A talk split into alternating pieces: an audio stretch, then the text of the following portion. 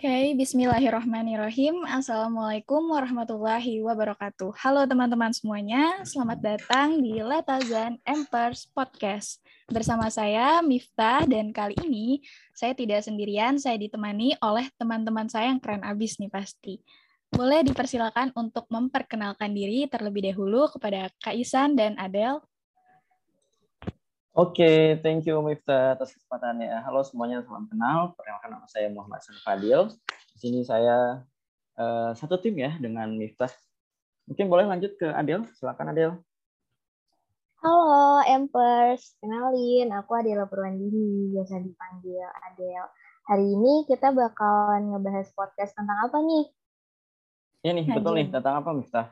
Oh ya, oke. Jadi pada kesempatan kali ini kita akan mendiskusikan terkait dengan tema Voice of the Voiceless, yang artinya adalah suara yang tak bersuara atau suara yang tidak memiliki hak untuk bersuara. Jadi di sini kita akan lebih ke arah sharing-sharing dan mengutarakan perasaan atau suara hati kita terkait uh, tentang isu-isu lainnya nih teman-teman. Jadi untuk tema pembicaraan kita pada kali ini sangat relate dan menarik ya teman-teman untuk didiskusikan. Apalagi pasti masih banyak sekali suara-suara dari mahasiswa. Jadi background kita adalah bertiga sebagai seorang mahasiswa nih teman-teman. Jadi di sini masih banyak sekali suara-suara dari mahasiswa yang belum atau bahkan tidak didengar nih teman-teman. Nah misalnya itu seperti perihal mengenai uang kuliah tunggal ya kakak-kakak sekalian. Yep, betul Wah, banget nih. Iya, betul banget nih Kalista. Aduh, temanya nih benar-benar bakalan di talk nih kayaknya kita bahas. Iya, betul. Apalagi masalah UKT ini tuh sangat-sangat uh, apa ya, um, cukup viral gitu ya, atau cukup uh, apa namanya asik juga sih untuk dibahas. Gitu. Apalagi kita saat ini juga kan lagi sedang menuju semester akhir ya, yang mana nanti kita juga akan uh, membayar lagi gitu UKT di semester depannya. Gitu. Iya, dan juga apa ya, sangat ini nggak sih Kamita dan Kaisan merepresent, merepresentasikan suara hati mahasiswa. Iya, betul banget nih. Nah iya, setuju banget nih sama Kak Adel. Apalagi kalau kita lihat nih ya, kakak sekalian, terkait tentang pembayaran UKT pada saat ini, khususnya di masa pandemi COVID-19 ini, di mana pembelajaran itu kan dilakukan secara daring ya. Nah, itu iya. pasti yeah. membuat para mahasiswa juga bertanya-tanya. Nah, salah satunya ini perihal pembayaran UKT ini worth it atau tidaknya dengan fasilitas yang didapatkan pada masa pembelajaran secara online. Ya kan, Kak? Iya, betul banget nih. Apalagi kita juga dalam membahas tentang UKT ini juga kita tidak hanya berdasarkan perspektif kita masing-masing gitu ya, tapi kita iya, juga um, apa namanya mencari data dan juga kita sempat ngobrol juga nih dengan teman-teman kita gitu ya di kampus terutama seperti itu. Nah mungkin kita masuk uh, ke pertanyaan pertama terlebih dahulu ya kak. Okay. Jadi bagaimana nih menurut pendapat uh, Kak Adel maupun Kak Isan terkait uh, tentang uang kuliah tunggal pada saat ini? Ini secara umum aja ya kak kita bicara tentang uang kuliah tunggalnya. Oke, mungkin boleh dari Adel dulu nih.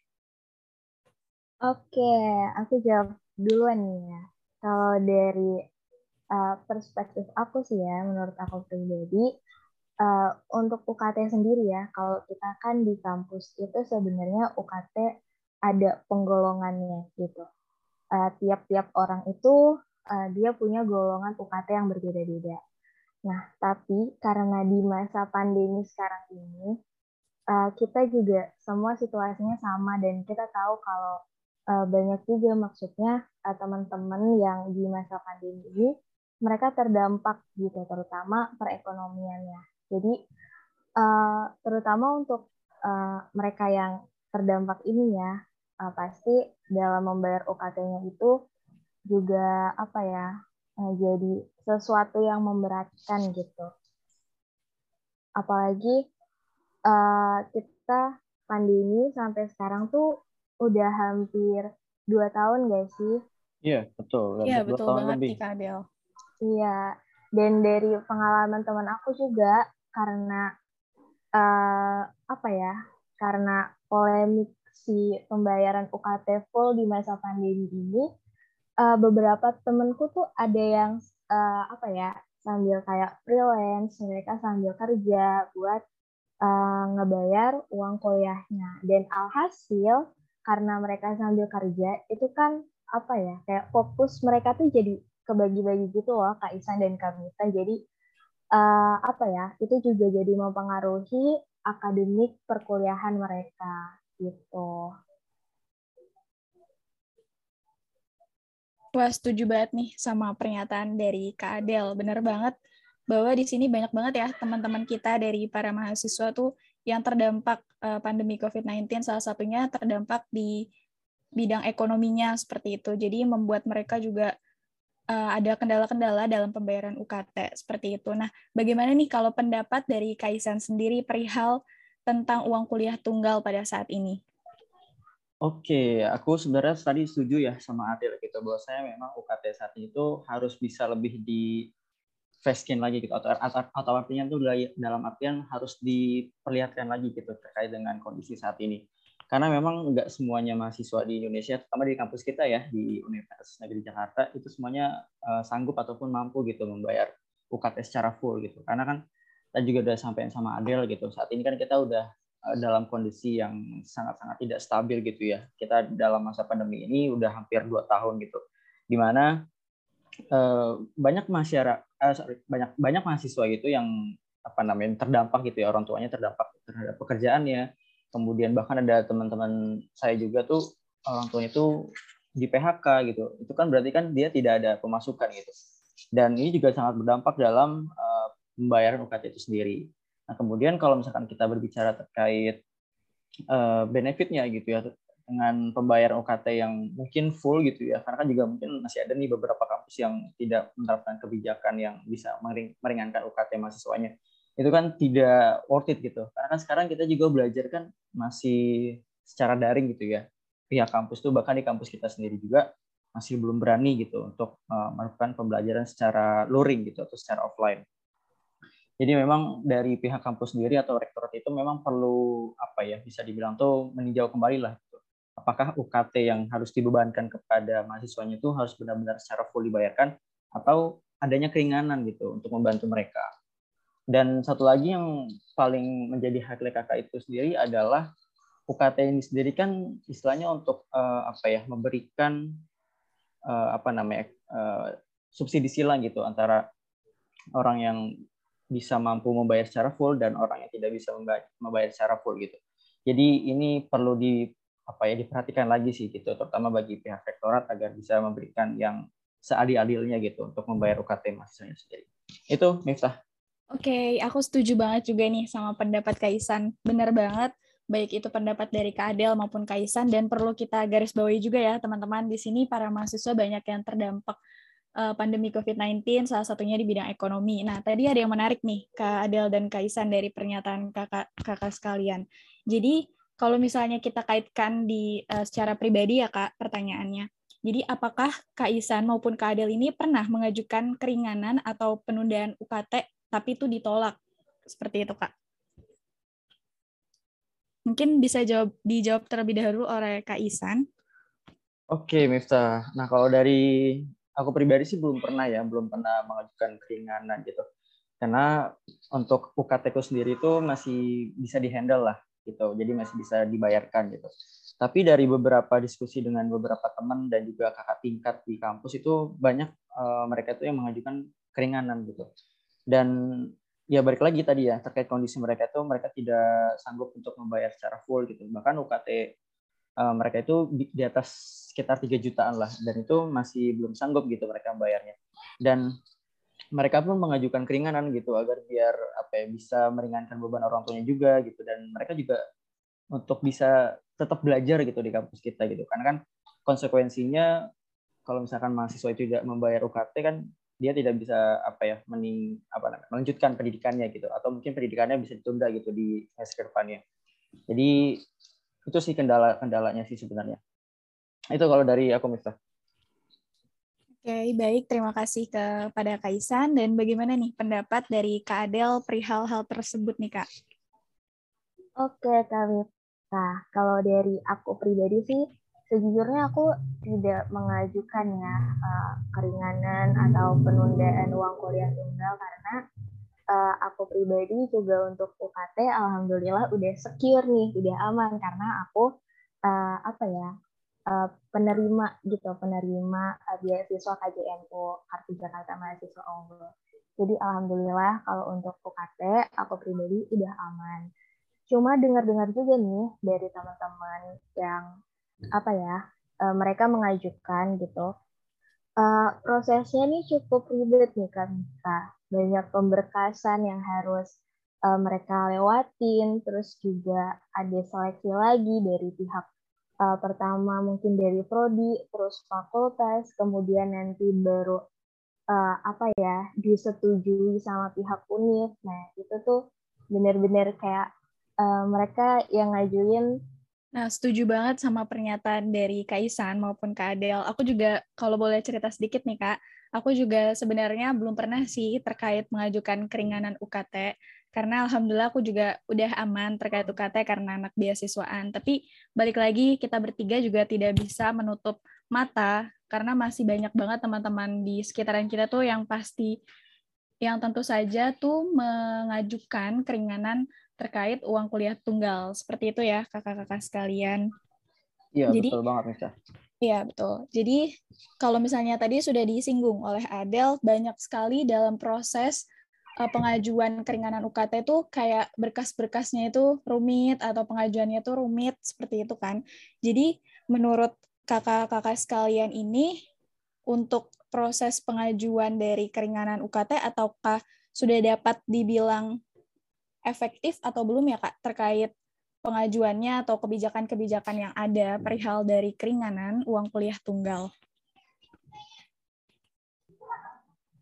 Oke, mungkin uh, aku dulu nih ya kalau saya yang jawab. Boleh dong, dipersilakan kepada Kak Adel. Oke, kalau menurut aku sih ya, sebenarnya tuh kebijakan ini regulasinya itu udah sangat bagus gitu maksudnya uh, kita paham ya niatnya ini untuk membantu mahasiswa gitu tapi emang kalau kita lihat realitanya itu menurutku belum efektif sih belum sepenuhnya efektif karena masih ada uh, beberapa teman-teman kita yang mengajukan tapi uh, proses atau hasilnya itu terlambat terus ada juga teman-teman yang uh, mereka layak mendapatkan apa keringanan atau penundaan UKT tapi ternyata ditolak gitu. Jadi menurut aku belum apa apa ya belum efektif sepenuhnya gitu. Ya, setuju banget nih kepada Kak Adel. Belum dapat dikatakan efektif sepenuhnya ya, Kak, terkait dengan proses-proses uh, mahasiswa untuk mengajukan keringanan uang kuliah tunggal mungkin.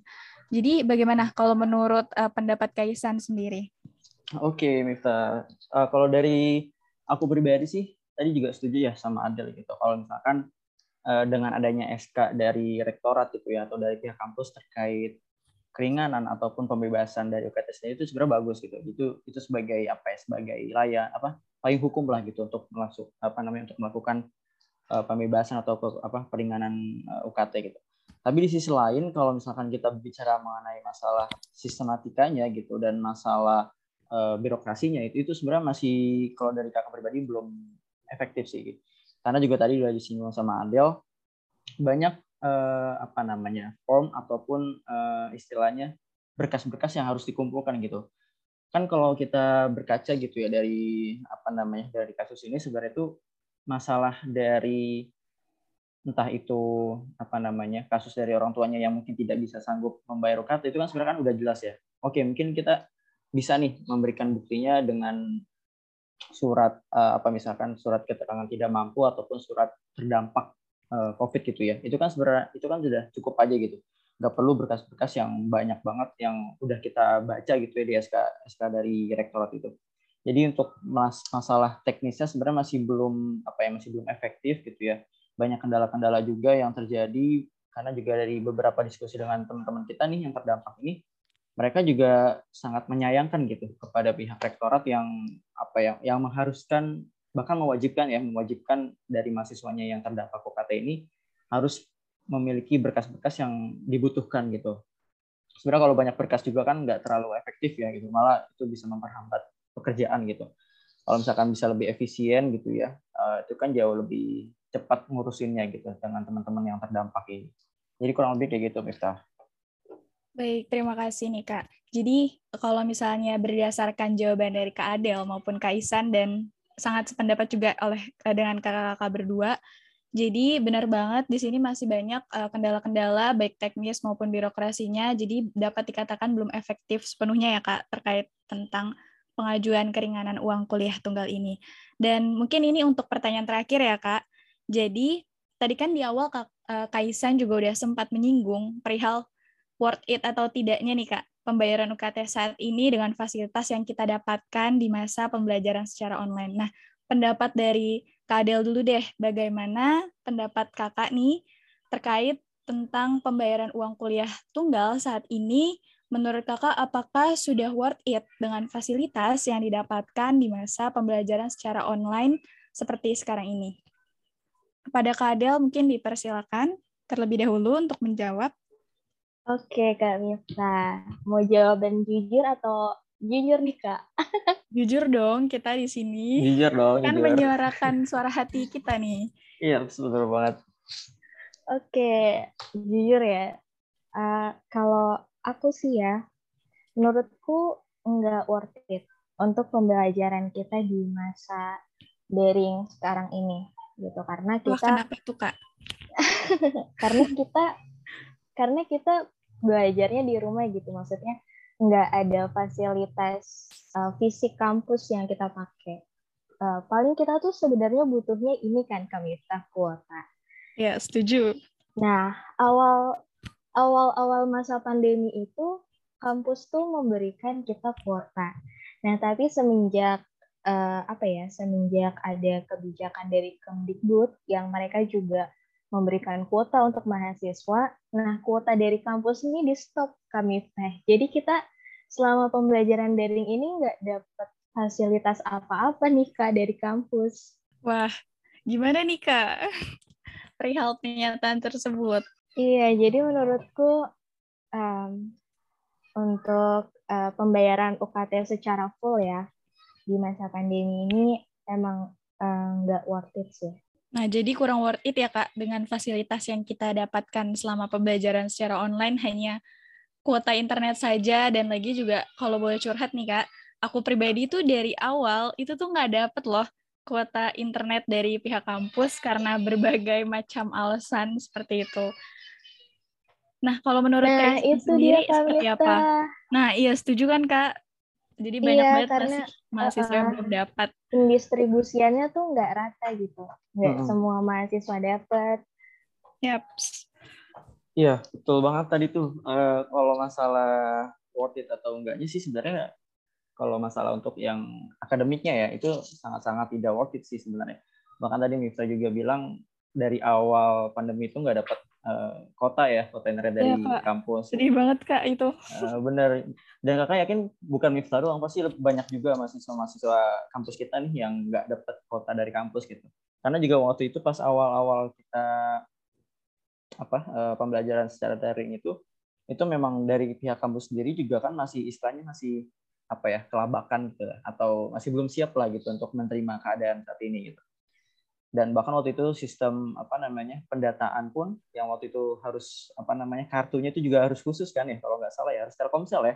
Iya betul banget kak. Harus nah, itu kan, kartu khusus. Iya harus kartu kartu Telkomsel kayak gitu kan ya semua orang terutama di kita ya di kampus kita kan juga belum tentu punya gitu. Dan bahkan mereka harus mengeluarkan duit untuk membeli kartu Telkomsel tersebut gitu. Dan sampai saat ini juga masih ada juga kan yang belum dapat apa namanya kuota baik itu dari kampus bahkan juga dari Kemdikbud juga ada teman-teman kakak tuh yang belum dapat gitu sama sekali.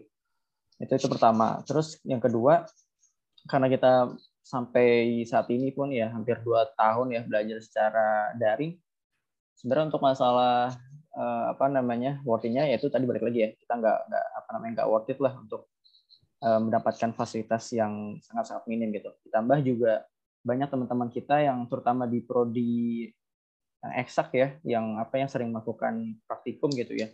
Mereka juga praktikumnya juga secara online kan. Dan itu sangat-sangat tidak berbanding lurus gitu dengan UKT yang mereka bayarkan gitu.